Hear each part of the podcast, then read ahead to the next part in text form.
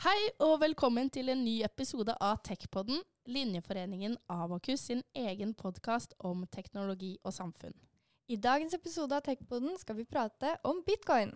Woohoo! Eh, mitt navn er Helene Bjørnsen, og jeg går i andre klasse på kommunikasjonsteknologi og digital sikkerhet. Og mitt navn er Anna Storli Tveit, og jeg går fjerde klasse kommunikasjonsteknologi og digital sikkerhet.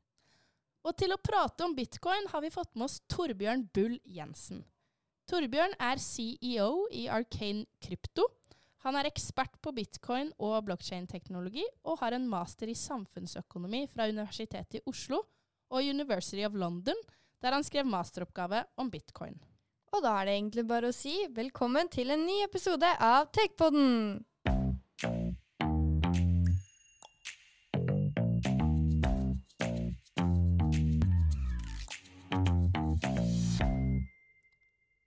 Hei og hopp, og velkommen til deg, Torbjørn.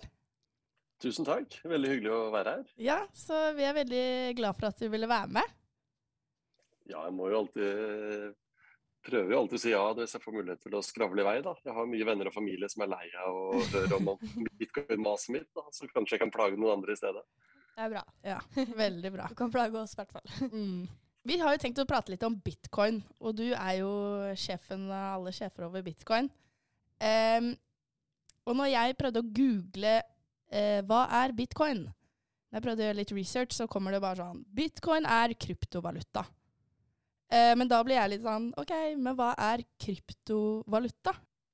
Ja, det er et veldig godt spørsmål. Uh, og si, hele fenomenet bitcoin er jo litt sånn at uh, det får en til å stille disse spørsmålene. Hva er bitcoin? Hva er kryptovaluta?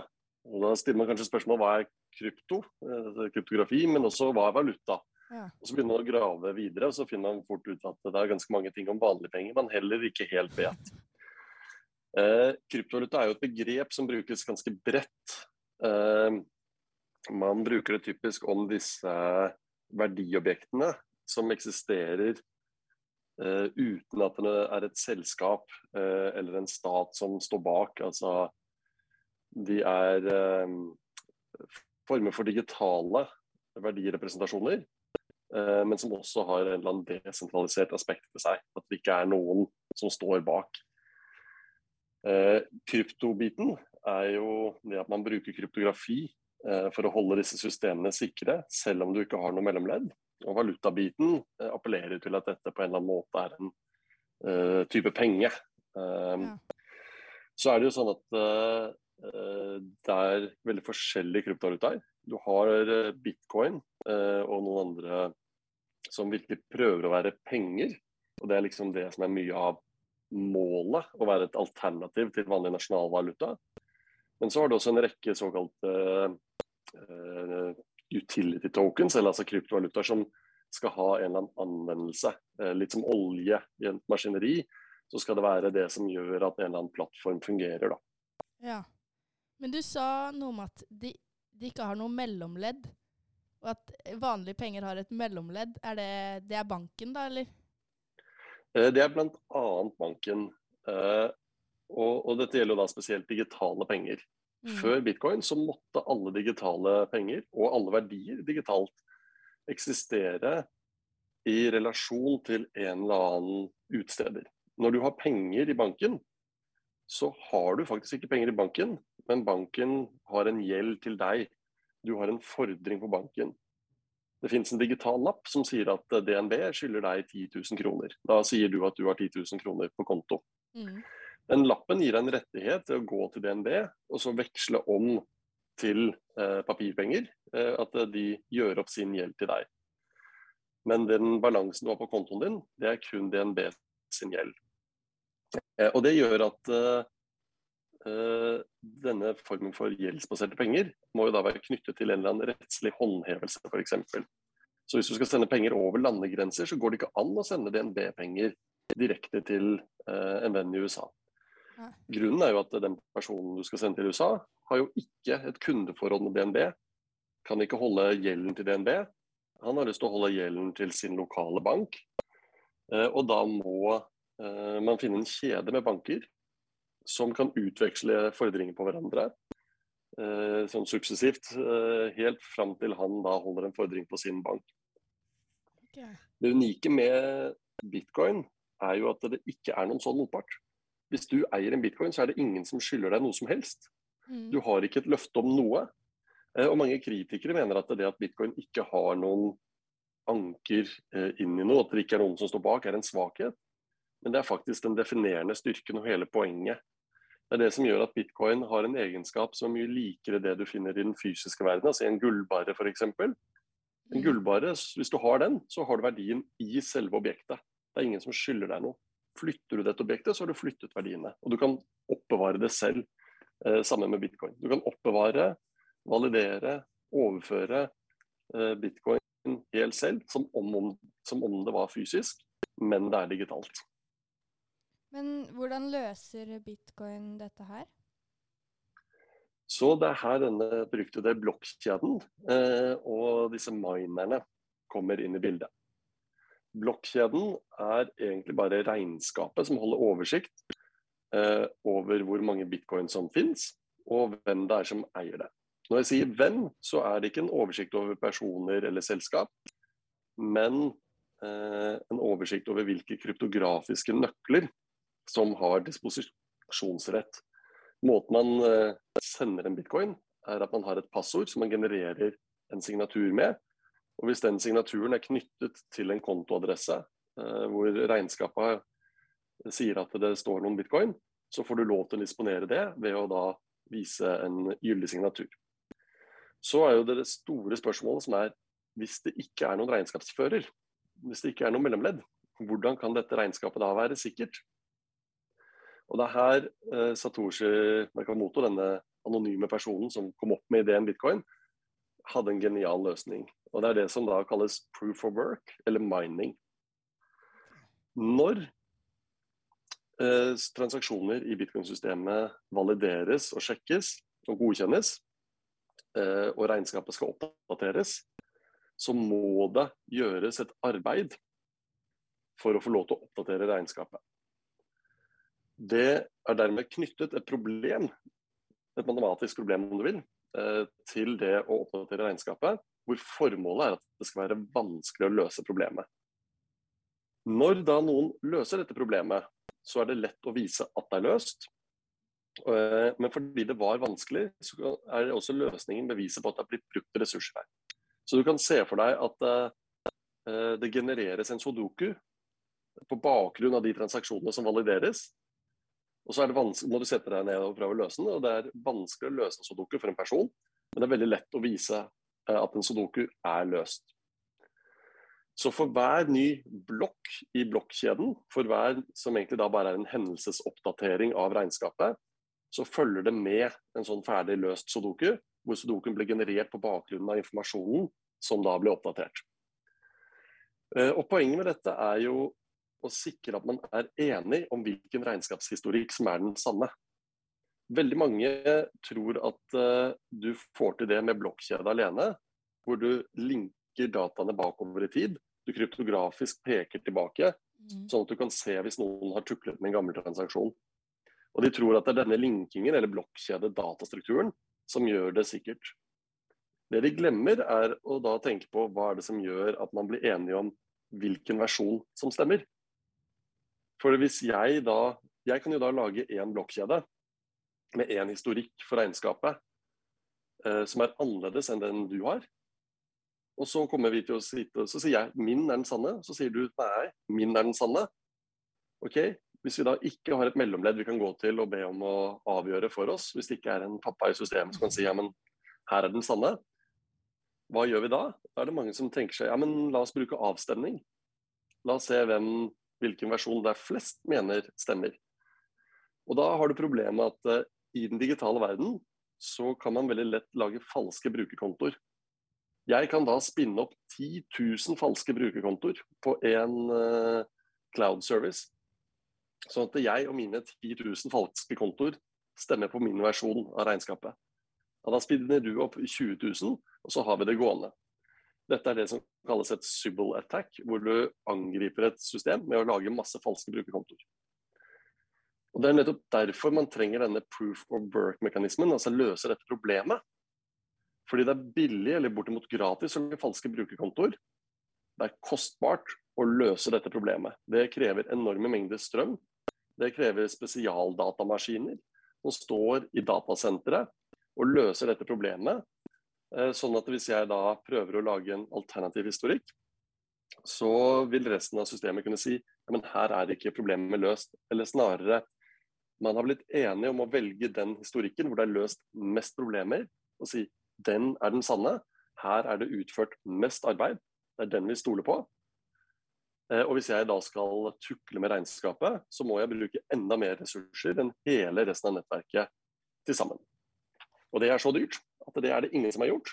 Til tross, Og det er ingen som har rullet bitcoin tilbake eh, og stjålet tilbake bitcoin de har hatt på et tidligere stadium. Til tross for at nå totalverdien på bitcoin er over en trilliard dollar. Herre min hatt, ass. Han, eh, hva var det han het? Sudoku? Sato Sudoku Nakamoto. Nei, Satoshi Nakamoto. Ja, for en gluping. Det, jeg er overbevist jeg, om bitcoin nå. Det, det, er, eh, det, kan jo være litt sånn tricky å virkelig forstå hva det gjør. Men uh, det han gjorde, var at han ved å innføre bitcoin som et verdiobjekt i systemet, som betales som belønning for de som løser disse problemene, så mm. insentiverte han en atferd som gjør at uh, aktører uh, har lyst til å sikre nettverket, bruke ressurser på å gjøre det sikkert. Uh, og måte, Det var egentlig en spillteoretisk gjennombrudd han kom med. Alle de tekniske komponentene eksisterte fra før av. Blokkjede pleide å hete kryptografisk linked list. Det var noe som eksisterte lenge før Satoshi fant på bitcoin. Påfunnet var det å bruke bitcoin som objekt, en belønning til de som står og prosesserer, validerer og sikrer eh, regnskapet. Da. Og Dette er litt viktig å forstå, fordi når folk hører mining, så ser de for seg at uh, disse maskinene på en eller annen måte leter etter en bitcoin, og så plutselig finner de en bitcoin, og at en bitcoin er en eller annen form for en remse med tall, uh, kanskje noe ett av og nuller, eller at liksom, en bitcoin er en eller annen form for et tall eller et objekt. Ja. Og så tenker de at uh, Eh, det blir vanskeligere og vanskeligere å finne sånne bitcoin. Og at det er derfor det kreves mer og mer strøm. Og det er overhodet ikke det som skjer. Nei. Det som skjer, er at bitcoin er et regnskapssystem. Disse maskinene prosesserer og sjekker at signaturer er riktige, at liksom, reglene følges. Og så løser de dette problemet, som er det som sikrer systemet. Så maskinene sikrer og validerer transaksjoner. For den jobben så blir de betalt Betalingen har to kilder. Det ene er eh, transaksjonsavgifter fra de transaksjonene som ble inkludert i regnskapsoppdateringen. Og det andre er helt nyskapte bitcoin. Og Det er den siste der som er grunnen til at man kaller det mining. For dette er mekanismen da, som også gjør at nye bitcoins kommer inn i omløp for første gang. Belønningen startet på 50 bitcoin per regnskapsoppdatering, altså per blokk. Disse blokkene kommer hvert tiende minutt. Eh, og belønningen halveres hvert fjerde år. Denne halveringen hvert fjerde år er det som gjør at det aldri kan eksistere mer enn 21 millioner bitcoin. Eh, hvorav rundt 18,5 eller noe sånt nå eh, er i omløp per i dag. Men poenget her er jo da at minerne graver ikke fram etter noen bitcoin. En bitcoin er ikke en remsemetall. En bitcoin er kun en regnskapsoppføring. Den remsen med tall og sånt og bokstaver som man ser, det er private nøkler og kontonummer der de private nøklene er det som gjør det mulig å signere eh, og, og, demonstrere eierskap til en konto. Det er ikke bitcoinen. Eh, du har ikke en bitcoin i walleten din, i, i den digitale lommeboken. Du har passordet til å kunne generere gyldig signatur når du eh, på å si, hermetegn logger deg på eh, bitcoin-nettbanken. Men hvem er disse miners, minerne? Altså, har du mina, mm. eller hvordan blir man en miner? Vi miner i Arcane. Ja. Eh, hvem som helst kan eh, mine. Eh, altså bidra til sikring av systemet. Det er fritt frem. Du kan ta en vanlig PC eh, og be den om å begynne å løse disse oppgavene. Eh, og prøve å være den som liksom finner neste løsning. Ja. Det kommer du ikke veldig langt med, for i starten så kom du et godt stykke med det.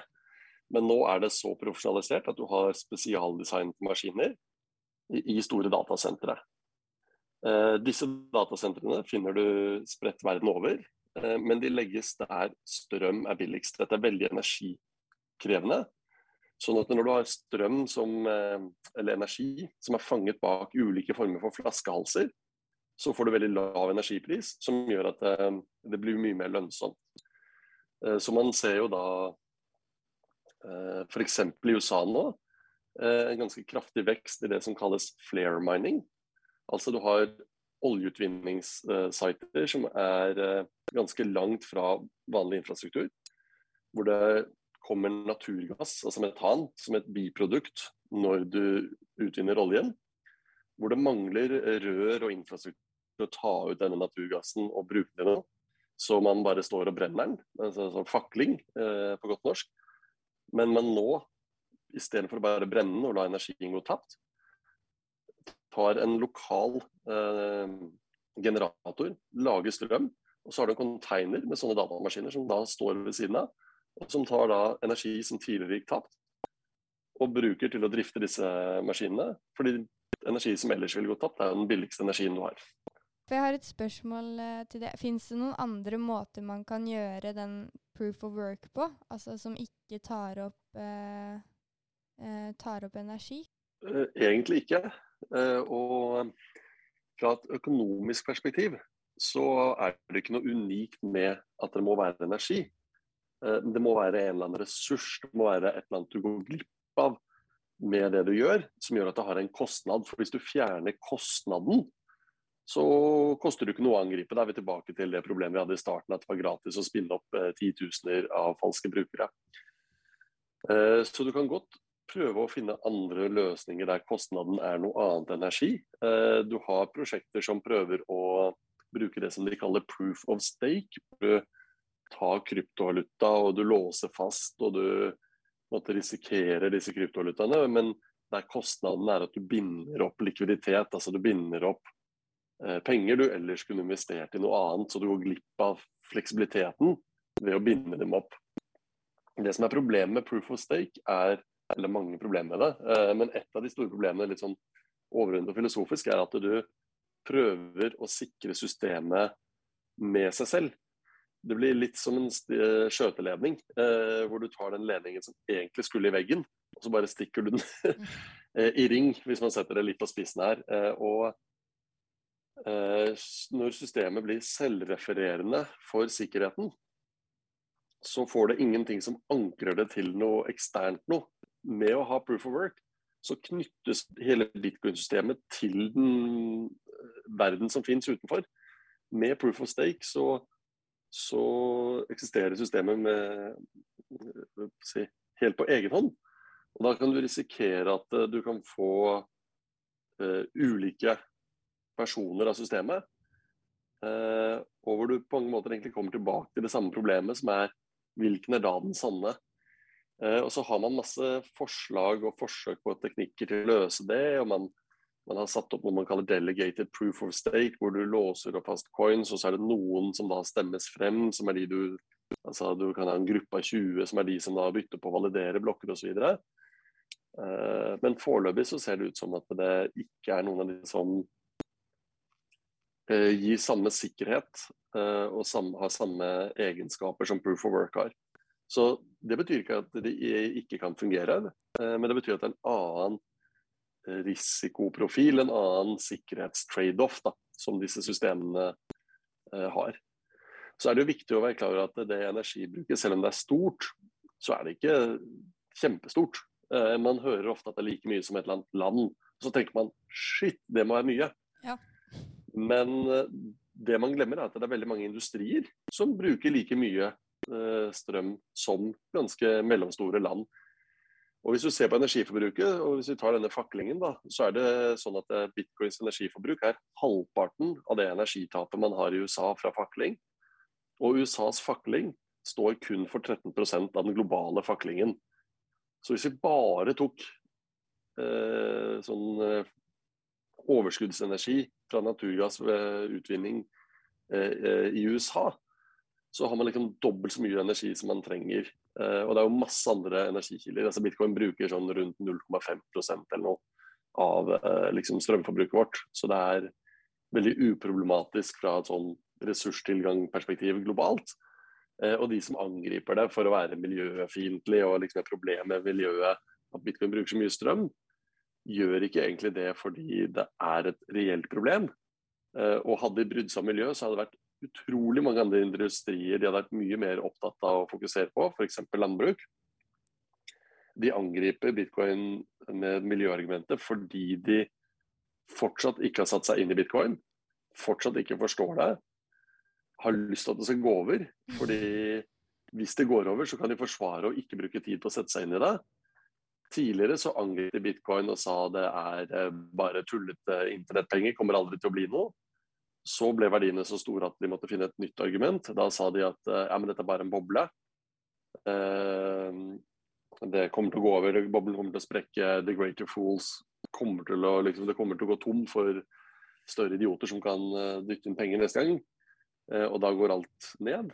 Men så sprakk jo boblen uten at bitcoin gikk til null. Og bitcoin kom tilbake igjen sterkere enn noensinne. Eh, og nå har du da så mange så anerkjente investorer som investerer i dette her, at du kan ikke lenger avskrive det som noe som bare er en boble og bare går bort. Og på en måte dette miljøargumentet, mining, eh, strømforbruket som et problem, er på en måte den siste krykken for eh, de som nekter å ta realiteten innover seg, som er at dette er kommet for å bli. Og at dette er noe man må investere både tid og krefter i og prøve å forstå. Hvis man skal ha en fornuftig mening om. Men eh, ta uh, Helene student andreåret. Skal, skal jeg investere i bitcoin? For nå ble jeg litt sånn shit, nå burde jeg også investere her. Men uh, hvor, uh, hvor, begynner man egentlig? Altså, det, er, det er mange Om man skal investere, er jo generelt er jo et individuelt spørsmål. Mm. det krever jo at man har noe overskuddspenger til å plassere jeg personlig mener at alle har et personlig ansvar for å tenke på hvordan de verdiene de har, kan holde seg over tid, og kanskje helst eh, potensielt øke over tid. Eh, og på en måte sette både noe av sånn sparing, altså noe som helst skal holde kjøpekraft over tid, men også noe som er investering, hvor du tar mer risiko, eh, men du forventer en større avkastning. Og mange har nok blitt veldig late på personlig formuessiden eh, i Norge, fordi vi har hatt eh, såpass lang tid hvor valutaen vår har styrket seg og blitt kjempesterk. Hvor eh, frisører i Norge kan reise verden rundt og ha det helt fortreffelig. Ikke fordi norske frisører er så ekstremt effektive eller har så utrolig bra maskiner, men fordi valutaen vår er sterk pga. den oljeeksporten vi har hatt. Eh, og Det man da lett glemmer, er at den norske kronen den kan finne på å bli desimert over natta, den. Eh, hvis markedene ønsker det, eller ikke ønsker kroner lenger. Og da, altså, I fjor, eh, i mars, så falt den norske kronen nesten en tredjedel mot de store internasjonale valutaene på halvannen uke. Det var ingen kjøpere i valutamarkedet. Og det var først da Norges Bank steppet inn og måtte gjøre støttekjøp, man klarte å få stoppet dette. Så det, dit jeg vil med på å si alle disse poengene, det er jo at uh, man bør da tenke seg om og ikke bare holde penger på bankkonto med null rente og bare i norske kroner, som gjør deg veldig sårbar. og Det er å putte alle eggene i én kurv, en ganske dårlig kurv. Man bør i stedet ha noe aksjer, kanskje noe eksponert mot eiendom. Eh, noe mot utlandet, sånn at du har en valuta som ikke er den norske. Utenlandske aksjer, f.eks. en global aksjeindeks. Eh, men det kan nok være veldig fornuftig å også putte noe i bitcoin. Men ikke liksom ta, eh, ikke ta opp et kjempelån og bare dytte alt inn i bitcoin og tro at det skal gå opp i dag. Mm. Eh, men sett kanskje av et jevnt og trutt sparebeløp. En hundrelapp i uka, en hundrelapp i måneden sånn, eller tusenlapp i måneden, litt sånn avhengig av hva man har. Og så kan man kjøpe jevnt og trutt, og da se på det som en sparing. ved å da ta relativt små beløp og over tid så reduserer du risikoen. Du kommer til å kjøpe på topper, eh, men du kommer også til å kjøpe på bunner. Eh, og så er det viktig å måte, ha det som et litt langsiktig perspektiv. Bitcoin som verdiobjekt er på mange måter en hedge, en forsikringspolise. Eh, dersom tilliten til etablerte systemet virkelig skulle klappe sammen, dersom myndighetenes pengetrykking skulle fortsette å akselerere og verdiene desimeres, så er det veldig greit å ha en sånn forsikringspolise. Du har ikke lyst til at huset ditt skal brenne. Si, jobbene vi har er jo liksom betalt i norske kroner, og de fleste verdiene de fleste av oss har i Norge er jo knyttet liksom, til den tradisjonelle økonomien. Så det er fint hvis det kunne fortsette å være bra. Men du har lyst til å ha den lille ekstra forsikringen, da. Det er sånn jeg tenker på det. Så svaret er ja, men du bør ikke gjøre det fordi du tror at du skal eh, få råd til å kjøpe leilighet til sommeren, men mer som en langsiktig sparing. Ja, for det tenkte jeg litt på sånn hvis jeg hadde vært flink da, og lagt inn en hundrelapp hver uke en god stund. Og så tenker jeg sånn, nå har jeg lyst til å bruke disse digitale pengene mine på noe. Det, du ja. nevnte jo noe om at man har en digital wallet. Er det da sånn at man Altså sånn Jeg må jo bruke bankkortet mitt på butikken. Hvordan bruker jeg det i praksis for å kjøpe noe? Kan jeg gjøre det, liksom? Så, så, så, i veldig mange tilfeller så er jo det enkleste å selge den. Og så kjøpe så sånn, På samme måte du, hvis du har investert i aksjer, og så får du kjempelyst til å ta den gevinsten du kanskje har fått, og så kjøpe noe annet, ja da selger du aksjene, enten alle eller noe av det, ja. og så bruker du, som du sier, kortet på butikken. Eh, det er også en rekke steder på nett hvor du kan betale med bitcoin. Du kan ta en ferie til El Salvador, hvor bitcoin er offisiell nasjonalvaluta. Da kan du gå inn på McDonald's og bruke bitcoin og betale for burgeren. Eh, men det er liksom litt mer spesialtilfelle.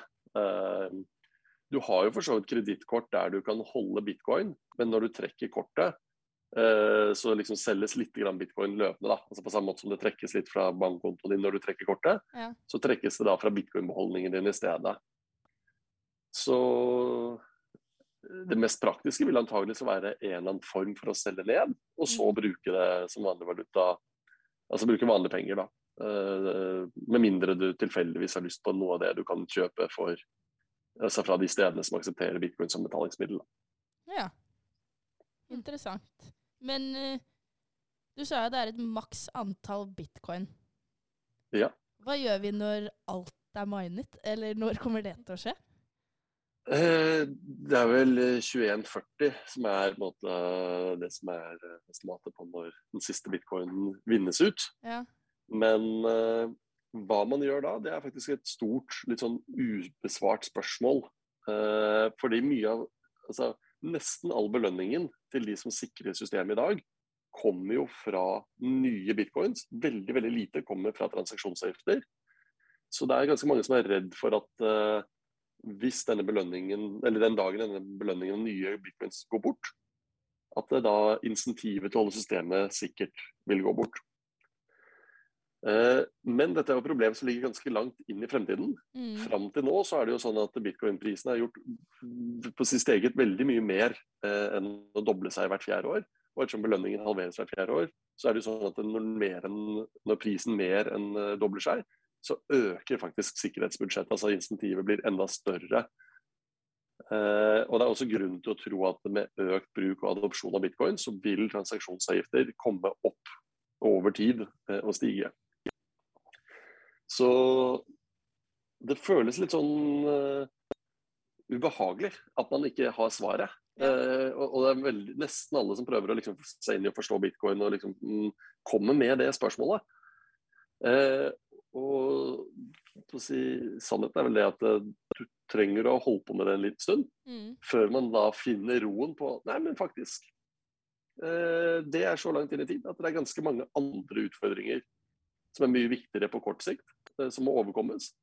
Bitcoin er et sosialt fenomen. Eh, dersom ekstremscenarioet skulle være at det, det blir ikke nok transaksjonsavgifter, bitcoin kommer til å dø hvis det ikke fortsetter å skapes nye og deles ut, ja, da kommer vi til å bli sosialt enige om å endre den regelen.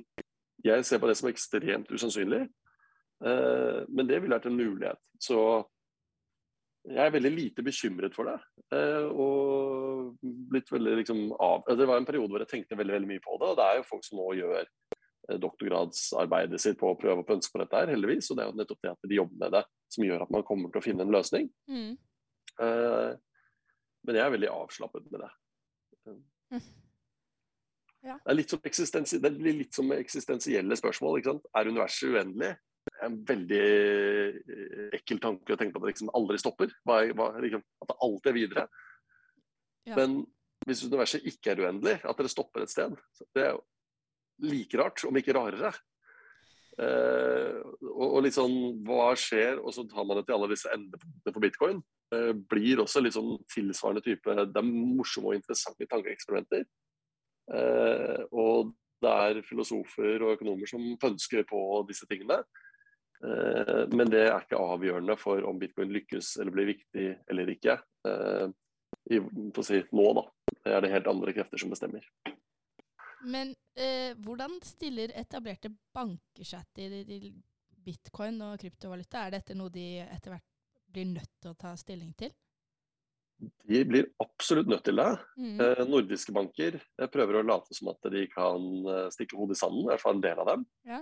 Eh, men internasjonalt så ser man at eh, alle de største bankene i verden har tjenester eh, og utvider tjenestetilbudet knyttet til kryptovaluta. I 2017, i forbindelse med den boblen som var da, så sa veldig mange av de at de aldri kom til å røre bitcoin. De kommer ikke til å ta det med ildtang. Men nå har du en ekstremt stor interesse fra rike individer, fra såkalte family offices, altså eh, investeringsselskaper som forvalter liksom, familieformuer, fra fond, fra institusjonelle eh, investorer. Og da er bankene veldig enkle. De går dit penga er, og nå er penga i å tilby bitcoin-tjenester. Så derfor kan du oppbevare bitcoinene dine f.eks. hos flere av storbankene i verden. Eh, og Fidelity er eh, kanskje verdens nest største formuesforvaltningsselskap. Altså en gigant innenfor formuesforvaltning. Eh, og de var jo da den første som bygde ut sånn oppbevaringstjeneste for kryptovaluta i kjølvannet av den boblen som kom i 2017. Så akkurat nå så er det et rush hvor eh, internasjonale banker og finansinstitusjoner, betalingsforetak, konkurrerer om å rulle ut bitcoin og kryptovalutatjenester raskest mulig. Eh, og dette er både på, som investeringsprodukter, men også, og du ser det også på, betalingssiden, hvor både Visa, Mastercard, PayPal, Revolut, Cash App altså Du kan bare remse videre både neobanker og fintech-selskap som eh, har masse forskjellige tjenester knyttet til nettopp eh, kjøp, salg, oppbevaring, bruk av kryptovaluta. Yes, da lurer jeg på når eh, DNB får fart på sakene. Det hadde vært kult å kunne bruke det. Ja. Ja, det kommer til å komme. Jeg er 100 sikker. Altså, enten så kommer DNB med kryptotjenester, ikke fordi de utvikler det selv, men i et partnerskap med noen. Mm. Eh, eller så kommer ikke DNB til å være her. Men, og jeg tror det er mye mer sannsynlig at de kommer til å ha kryptotjenester. Ja, Det er utrolig spennende det her. Og nå føler jeg på en måte jeg har fått litt svar på hvorfor vi skal bry oss om disse internettnerdepengene som man har hørt så mye forskjellig om. Ja, og jeg tenker kanskje viktigste grunnen til at man skal bry seg om det, er at uh, penger er, er, noe av det, liksom, det er en av de viktigste institusjonene vi har i samfunnet vårt. Eh, og på samme måte som man burde brydd seg om internett, fordi internett virkelig har samfunnsendrende konsekvenser. Det endret hvordan vi kunne kommunisere, eh, både over landegrenser og har liksom fundamentalt endret kommunikasjon og, og informasjonsdeling. Så gjør bitcoin og kryptovaluta det samme med verdi. Eh, på mange måter så er bitcoin eh, internett for penger. altså Det er åpent, hvem som helst kan delta. Det er grenseløst. Det er 24-7, det er kontinuerlig. Eh, det er overalt. Og veldig mange har liksom trodd at bitcoin var en eller annen teknologi, eh, og at det kanskje noe nytt og bedre kommer og tar over senere, eller at teknologien kan brukes til noe annet. De har tenkt at det, det er en ting som eh, er en boble, men så kommer det å gå over. Men sannheten er at det er et eh, sosialt fenomen muliggjort av teknologi. Eh, som har vokst organisk, evolusjonært, i 13 år. For 13 år siden så var det hele kun en åttesiders dokument på en e-postliste for nerder. Det var hele begynnelsen. Det var en idé som ble delt eh, til folk som, eh, hvor de fleste var skeptiske, fordi de hadde prøvd å lage sånne penger før og hadde ikke fått det til. Og fra dette korte dokumentet på denne e-postlisten for nerder, så har bitcoin vokst fram. Ikke fordi USA sa vi kjører på, vi skal rulle ut, nå skal vi bruke statsapparatet. Ikke fordi Apple sa liksom her skal vi kjøre på. Det var Eh, og ikke fordi det var så utrolig enkelt og så utrolig bra fra start. Det var helt umulig å bruke i starten. Det fantes ingen vekslere, det fantes ingen wallet, det var ingen mobilapper. Alt det måtte bygges ut. Bitcoin var alltid dårligere før, vanskeligere før. Og allikevel så vokste det på, når forholdene var så mye dårligere. Eh, og på én utvikler av gangen, én bruker av gangen kom til. Og litt som en snøball som da bare blir større og større for hver rotasjon. hvor det er utrolig sannsynlig at en snøball stopper når den er liten. Da skal det veldig lite til. Men hvis den da bare fortsetter, så blir den ballen større og større. Og, nå, og, byg, og momentet bygger og bygger, og nå er vi liksom forbi det man kan kalle escape velocity. Nå er det så mye moment her. Kursen kan svinge både opp og ned og bli påvirket av mange faktorer. Men at dette er kommet for å bli, og at det er kommet for å bli veldig mye større, er hevet over enhver tvil. Og dette kommer til å bli like utbredt uh, og samfunnsgjennomtrengende som det internett er i dag. Eh, men tror du liksom at det kommer til å bare bli kryptovaluta i fremtiden? Eller tror du at det kommer til å eksistere penger på den måten vi har hatt i, i dag? Det kommer til å eksistere mange forskjellige eh, pengeformer. Det har det alltid gjort gjennom menneskets historie. Eh, du har mange ganger opp gjennom historien hatt private selskap som har utstedt eh, penger, f.eks. Eller eh, verdiobjekter som har da fått pengeegenskaper i noen økonomiske relasjoner. Og man ser allerede nå at det er en rekke andre såkalte tokens, f.eks. stablecoins, som da er De lever på disse åpne systemene som bitcoin og ethereum osv. Eh, men de er da dollar-backet og faktisk bankinnskudd og på dollardenominerte verdier som ligger bak. Så disse tingene kommer til å leve side ved side. Eh, men når det gjelder eh, nasjonalstatens rolle i pengesystemet, så er det en veldig, akkurat den rollen det har hatt de siste drøyt 100 årene. Det er nettopp det. De siste drøyt 100 årene. Det har vært veldig preget av akkurat den formen for samfunnsstruktur vi har bygd opp rundt egentlig da et moderne industrisamfunn med arbeidsintensiv industri, industri som er veldig typisk stedbundet, altså knyttet til en naturressurs, med fabrikker som er veldig dyre å bygge og umulig å flytte. Men nå har vi beveget oss, og vi beveger oss stadig mer inn i en uh, informasjonsøkonomi med veldig mye mer tjenesteøkonomi. Tjenester kan lett flyttes, de er ikke stedsbundet på den samme måten vi ser mer altså hele internettøkonomien, om du vil. Altså eh, streaming av innhold, uh, gaming, sosiale medier. Mer og mer av økonomien flyttes over på en arena som er helt grenseløs. Uh, og da se for seg at nasjonalstaten som ble skapt ut fra en samfunnsproduksjon der fabrikken var det viktigste, kommer til å ha samme relevans i en fremtid der Eh, på å si, eh, internettkommunikasjon har tatt helt over, og også for kommunikasjon er verdi. Det er rart. altså Jeg ville blitt overrasket hvis det ikke kommer til å endre eh, myndighetenes kontroll over penger. Uh, det betyr ikke at det kommer til å skje i morgen. Det betyr ikke at uh, myndigheter ikke kan finne på å utstede egne penger. Men historisk så har jo i hvert fall alle disse typer institusjoner alltid endret seg. Sentralbanken i USA ble stiftet i 1913. Eh, den europeiske sentralbanken ble stiftet i 1998. Eh, det hadde vært, hadde vært rart hvis vi nå var ved enden av historien. At det liksom nå kommer alt til å bare bli sånn som det er for alltid. Mm. Eh, og, så hvis man da tar inn over seg at det, vel, dollaren kommer til slutt å være verdens eh, dominerende valuta, for det har alle andre tidligere dominerende valutaer sluttet med, fordi noe annet er tatt over. Eh, samfunnsinstitusjonene kommer til å endres, for det har de alltid gjort før. Vi har ikke lenger Kirken som den mektigste institusjonen som styrer samfunnet vårt. Vi har nasjonalstaten i stedet.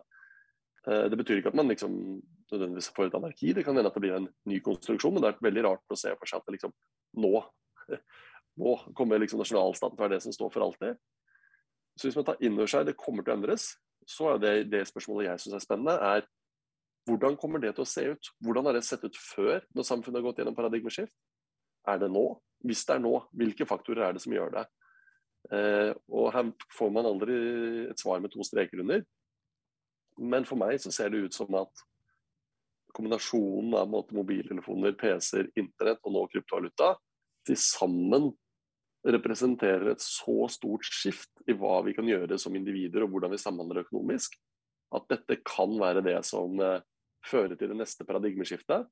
Litt som dampmaskin, krutt og boktrykkerkunst til sammen var det som liksom, var de tre definerende teknologiene som liksom løftet oss fram til det som er den moderne nasjonalstaten. Ser du Ble det svevende her? Ja. Ja, nei, nå ble jeg helt sånn der wow. Men um, for å oppsummere litt, da. Hva er de største utfordringene ved bitcoin i dag?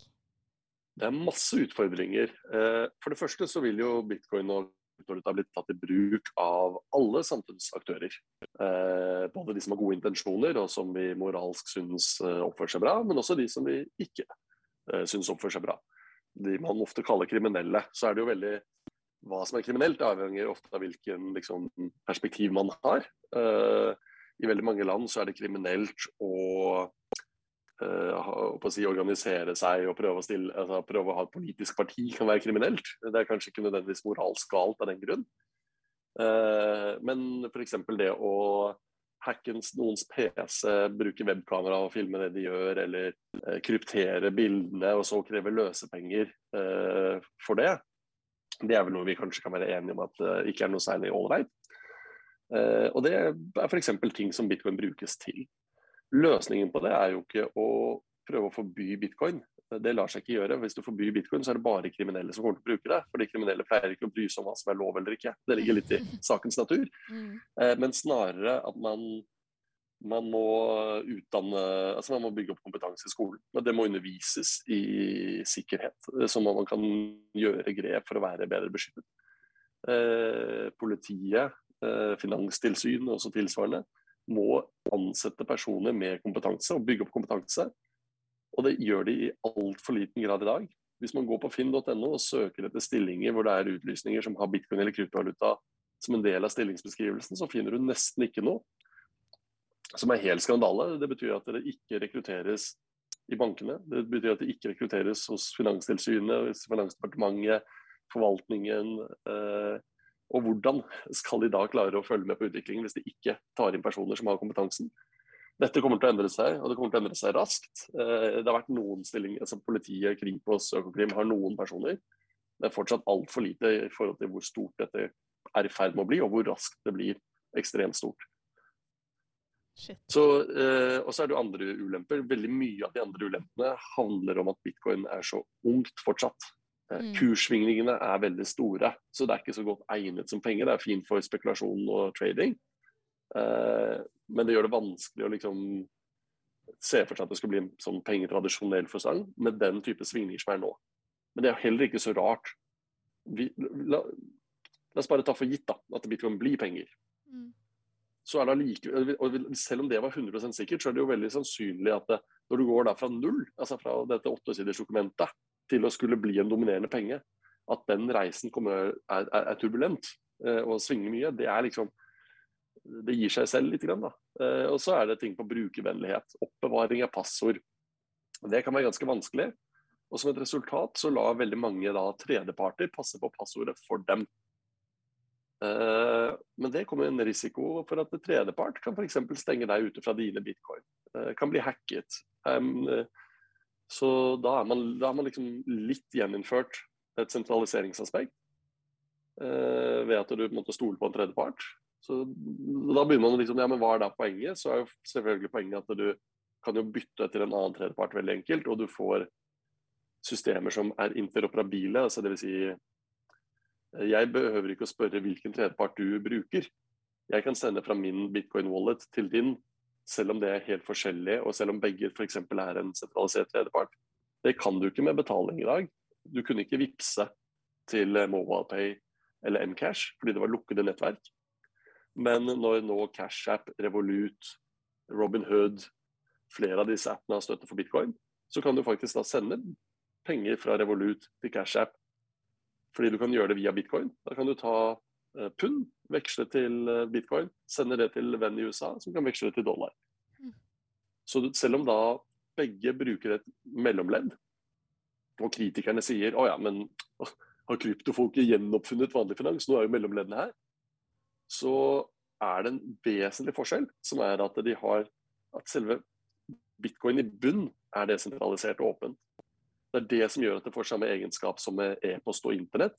Hvor du kan bruke akkurat hvilken e-postklient du vil, og likevel sende til hvem som helst andre. Du spør ikke har du en Yahoo-e-post, Mm. sånn at jeg kan sende deg Yahoo. Å nei, søren, jeg har bare Firefox. Nei, jeg mener eh, Gmail. Eh, jeg må få meg en sånn Yahoo-mail, sånn at vi kan snakke sammen.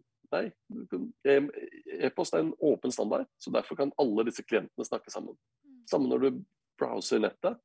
Noen kan bruke Safari, noen kan bruke Firefox, noen kan bruke Internet Explorer. Og du kan gå på de samme nettsidene. Mm. Nå kommer det til verdihåndtering og betaling i form av da kryptovaluta som, og bitcoin spesielt, som en universal, global verdibærer. Mm. Ja. Utrolig hvor mye vi har lært i Ja. dag. Føler jeg meg ekspert på bitcoin. Jeg Ja. skal løpe og fortelle alle om det. Ja. Ja. Vi må bare si tusen, tusen takk til deg, Torbjørn, for at du har eh, stilt. Eh, Veldig hyggelig å få lov til å delta. Så er det masse flere temaer, så jeg kommer, til, jeg kommer tilbake hvis dere har lyst på mer. Ja, Så bra, så bra.